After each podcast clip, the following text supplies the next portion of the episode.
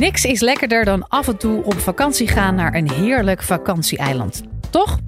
Nou, je staat er vast nooit bij stil, maar als je met je billen op het strand ligt daar, lig je eigenlijk bovenop een vulkaan. Nieuwsgierig geworden naar deze vulkanen ging aardwetenschapper Arwen Deus van Universiteit Utrecht op zoek naar het eiland met daaronder de allerheetste vulkaan. In dit college kom je erachter welk eiland gewonnen heeft en of je daar nog wel vakantie kunt. Live vanuit Club Air is dit de Universiteit van Nederland. Wie van jullie gaat er graag op vakantie op een tropisch eiland? Je zie je jezelf al zitten of liggen op het strand, mooie palmbomen erbij, misschien een cocktail in je hand. Lekker hè? Nou, ik ga zelf ook heel erg graag op vakantie op uh, eilandjes. Ik vind het natuurlijk heerlijk om daar op het strand te liggen, maar ik heb nog een andere reden waarom ik graag naar zulke soort eilanden ga. Ik ga namelijk graag op zoek naar vulkanen. En wist u dat er onder eigenlijk bijna ieder vakantieeiland een vulkaan verborgen zit? Nou, hoe we dat kunnen ontdekken en wat voor vulkanen onder deze onder vakantieeilanden zitten, daar ga ik het in dit college over hebben. Dan is het belangrijk om te weten dat er twee typen vulkanen zijn. Dus vakantieeilanden zijn van het ene type of van het andere type. Nou, de meest veel voorkomende vulkaan is een subductiezonevulkaan. De aardoppervlak is verdeeld in platen, die zijn in beweging. En de ene plaat duikt dus onder de andere plaat. En omdat we wat wrijving krijgen, smelt daar de aarde en krijgen we dus uh, vulkaanuitbarstingen. Nou, de meeste van deze vulkanen die bevinden zich in de rand rondom de Stille Oceaan. Dus uh, bijvoorbeeld Indonesië is een hele goede plek waar veel van dit soort vulkanen zitten. Dus als je graag naar Bali gaat, nou, dat is zo'n vulkaan. En als je graag naar Griekenland gaat, of de meeste eilanden eigenlijk in de Middellandse Zee, die zijn ook allemaal van dit soort vulkanen. Wat je in de Middellandse Zee hebt, is dat Afrika komt steeds dichter naar Europa. Dus daar duikt ook een plaat de aarde in. En een heleboel eilanden in de Middellandse Zee zijn dus vulkanen van dit type, van een subductie waar de ene plaat onder de andere duikt. Dus bijvoorbeeld uh, Sicilië, de Etna is zo'n vulkaan, Stromboli. En een heel mooi voorbeeld is Santorini. Dat is mijn lievelingseiland om op vakantie te gaan. Santorini is een hele gevaarlijke vulkaan. En wat er eigenlijk nog over is van die vulkaan, Santorini is eigenlijk alleen maar de rand van die vulkaan. Santorini is 3.500 jaar geleden met een grote explosie uitgebarsten. Die explosie was zelfs zo groot dat we denken dat de Minoïsche beschaving op Kreta hierdoor ten onder is gegaan. Dus dit zijn gevaarlijke vulkanen. Dus dat is het eerste type vulkaan. Maar nu wil ik het over het tweede type vulkaan hebben, wat eigenlijk een heel stuk specialer is. En daar ga ik het ook de rest van dit college over uh, hebben. En dat zijn de soort van vulkanen die we bijvoorbeeld onder Hawaii hebben. Dit zijn vulkanen en die noemen wij hotspot-vulkanen. Nou, hotspot-vulkanen die bevinden zich niet op de grenzen tussen bewegende platen. Die bevinden zich juist middenin de uh, oceanische platen. En we noemen ze hotspot omdat het eigenlijk hete plekjes zijn die ineens zomaar door zo'n uh, aardkorst uh, heen komen. En een mooie manier om te bekijken hoe die hotspot-vulkanen eigenlijk werken, is met een lavalamp. De lavalamp, denken wij, werkt eigenlijk op precies dezelfde manier als zo'n hotspot-vulkaan. Die rode was wordt opgewarmd door het lampje dat onderin die lavalamp zit. En die warme was die stijgt op als een pluim naar boven. En als hij boven aankomt en hij koelt weer af, dan zakt hij weer naar beneden. Maar wat er in de aarde gebeurt, is als zo'n hete pluim het aardoppervlak bereikt, dan kan hij uitbarsten. Nou, dit gebeurt op Hawaii. En zo'n uitbarsting kan heel erg lang duren, want het kan een hele grote mantelpluim zijn die heel erg lang aan het uitbarsten is. Hawaii is al bijna een half miljoen jaar bezig met uitbarsten. Een ander voorbeeld van zo'n grote uitbarsting is een grote uitbarsting die 65 miljoen jaar geleden gebeurde. Toen is er een hele grote vulkaan in de buurt van India uitgebarsten, ook zo'n hotspot-vulkaan. En we denken dat die uitbarsting bijgedragen heeft aan het uitsterven van de dinosaurussen. Er kwamen zoveel giftige gassen de lucht in dat we denken dat dat dus mee heeft geholpen uh, aan het uh, leefklimaat voor de dinosaurussen zo onprettig maken. En ik ga de rest van het college over deze vulkanen hebben, want we denken dat die misschien wel heel erg diep uit de aarde komen. En hoe kunnen we dat nou ontdekken? Nou, ik ben een seismoloog en wat ik doe is plaatjes van de aarde maken. En wat mij fascineert als seismoloog is dat ik heb hier een microfoon nodig en dan kunnen jullie mij verstaan. Dus het geluid van mijn mond komt niet zo heel erg ver. Maar als je een aardbeving hebt, het zijn ook golven, net zoals het geluid dat uit mijn mond komt. En een aardbeving aan de andere kant van de aarde, bijvoorbeeld in Nieuw-Zeeland, die golven van die aardbeving, die reizen de hele aarde door. En op hun reis door de aarde verzamelen ze informatie over hoe de aarde er uh, daaruit ziet. En die golven van de andere kant van de aarde kunnen wij hier in Nederland registreren met seismometers. En ik vind het fantastisch om naar de seismogrammen te kijken die we krijgen van zulke aardbevingen. En als een soort van dagboek die seismogrammen, al die golven in die seismogrammen te ontrafelen. En dus daarmee te leren hoe de aarde er van binnen uitziet.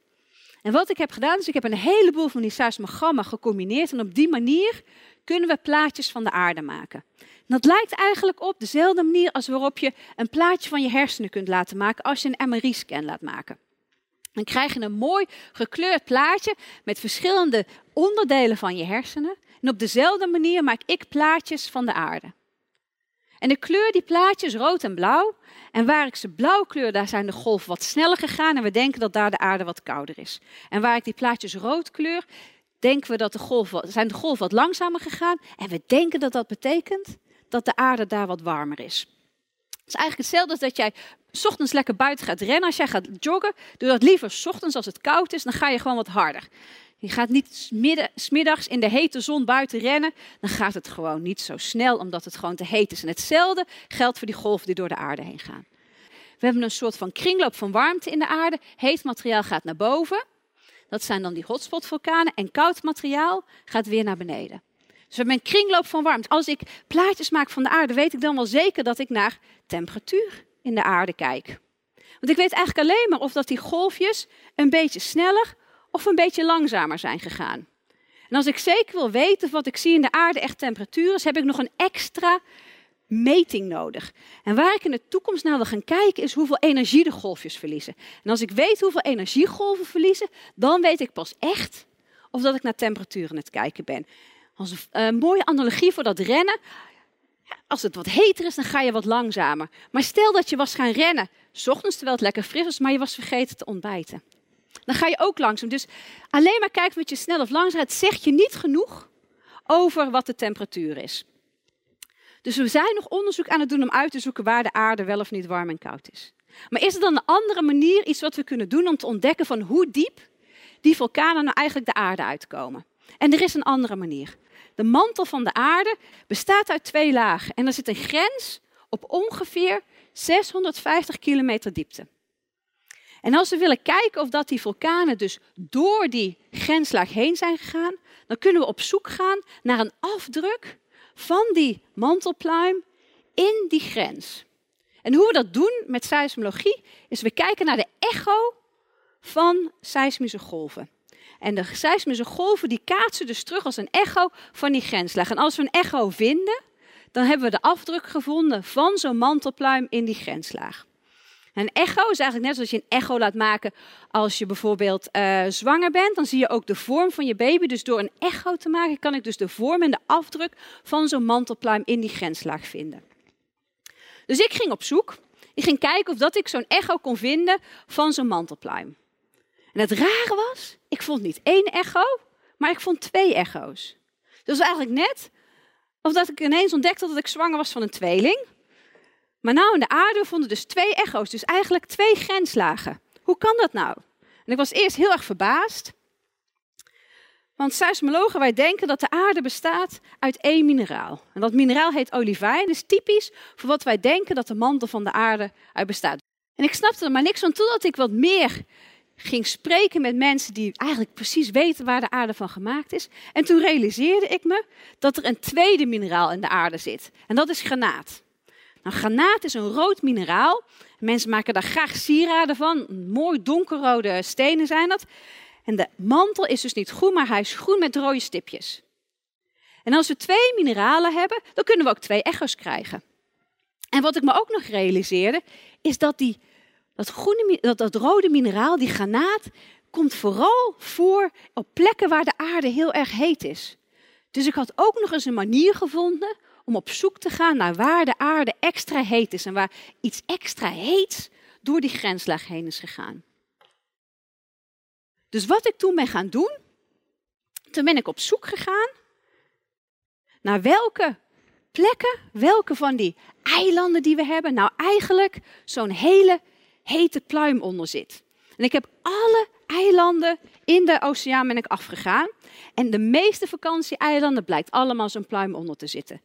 Dus in de Atlantische Oceaan, de Canarische eilanden, daar zit zo'n grote vulkaan onder. De Azoren. Um, als je naar de Stille Oceaan gaat, zijn er ook een heleboel. Uh, grootste voorbeeld is daar Hawaii natuurlijk. Daar zit een grote pluim onder. Maar Hawaii kun je zien. Hawaii hebben we continu uitbarstingen. Dus daar weten jullie waarschijnlijk ook wel, als je daar nou op vakantie gaat, dat daar een vulkaan boven zit. En ik kon ook ontdekken welk eiland de allerheetste mantelpluim onder zat. En ik ontdekte dat dat onder Paaseiland zat. Een Paaseiland is een eiland dat eigenlijk heel erg geïsoleerd in de uh, stille oceaan ligt. En toch zijn daar mensen gaan wonen. En hoe komt dat nou? Nou, dat komt omdat de grond die je krijgt na vulkaanuitbarsting is heel erg vruchtbaar.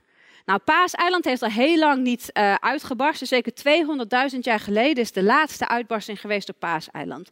Maar de mantel onder Paaseiland is nog steeds heel erg heet. En er is dus een grote kans dat daar weer een keer een uitbarsting gaat komen. En die vruchtbare grond, daarom gingen daar dus toch die mensen wonen. En uit dankbaarheid hebben ze ook die hele mooie beelden gemaakt. Uit dankbaarheid dat ze op zo'n vruchtbaar eiland uh, leefden. Het is nou overigens geen vruchtbaar eiland meer, want ze hebben alle bomen gekapt en nu is het gewoon een, een kale plek geworden. Maar Paaseiland is dus een van de allerheetste plekken op, uh, qua vulkaan op aarde. Dus wat ik jullie heb laten zien, is dat er onder eigenlijk de meeste populaire vakantieeilanden een vulkaan verborgen zit. En die eilanden zouden er ook niet eens zijn als die vulkaan er niet was. Want die vulkaan die duwt eigenlijk die eilanden boven de oceaan uit. Dus ieder eilandje midden in de oceaan is een grote, uh, grote vulkaan. Betekent dat dat jullie daar niet op vakantie moeten gaan? Nou, jullie kunnen gewoon lekker op vakantie gaan. Vulkaanuitbarstingen zien we meestal wel aankomen. En een heleboel van die vulkanen zijn natuurlijk al heel erg lang aan het slapen.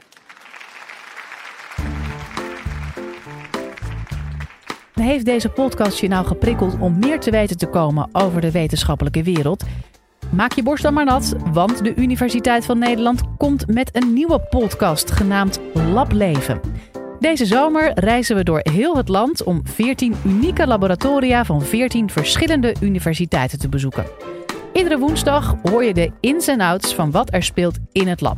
Maar ook wie de wetenschapper achter het onderzoek is. Want wetenschappers zijn tenslotte ook maar gewoon mensen.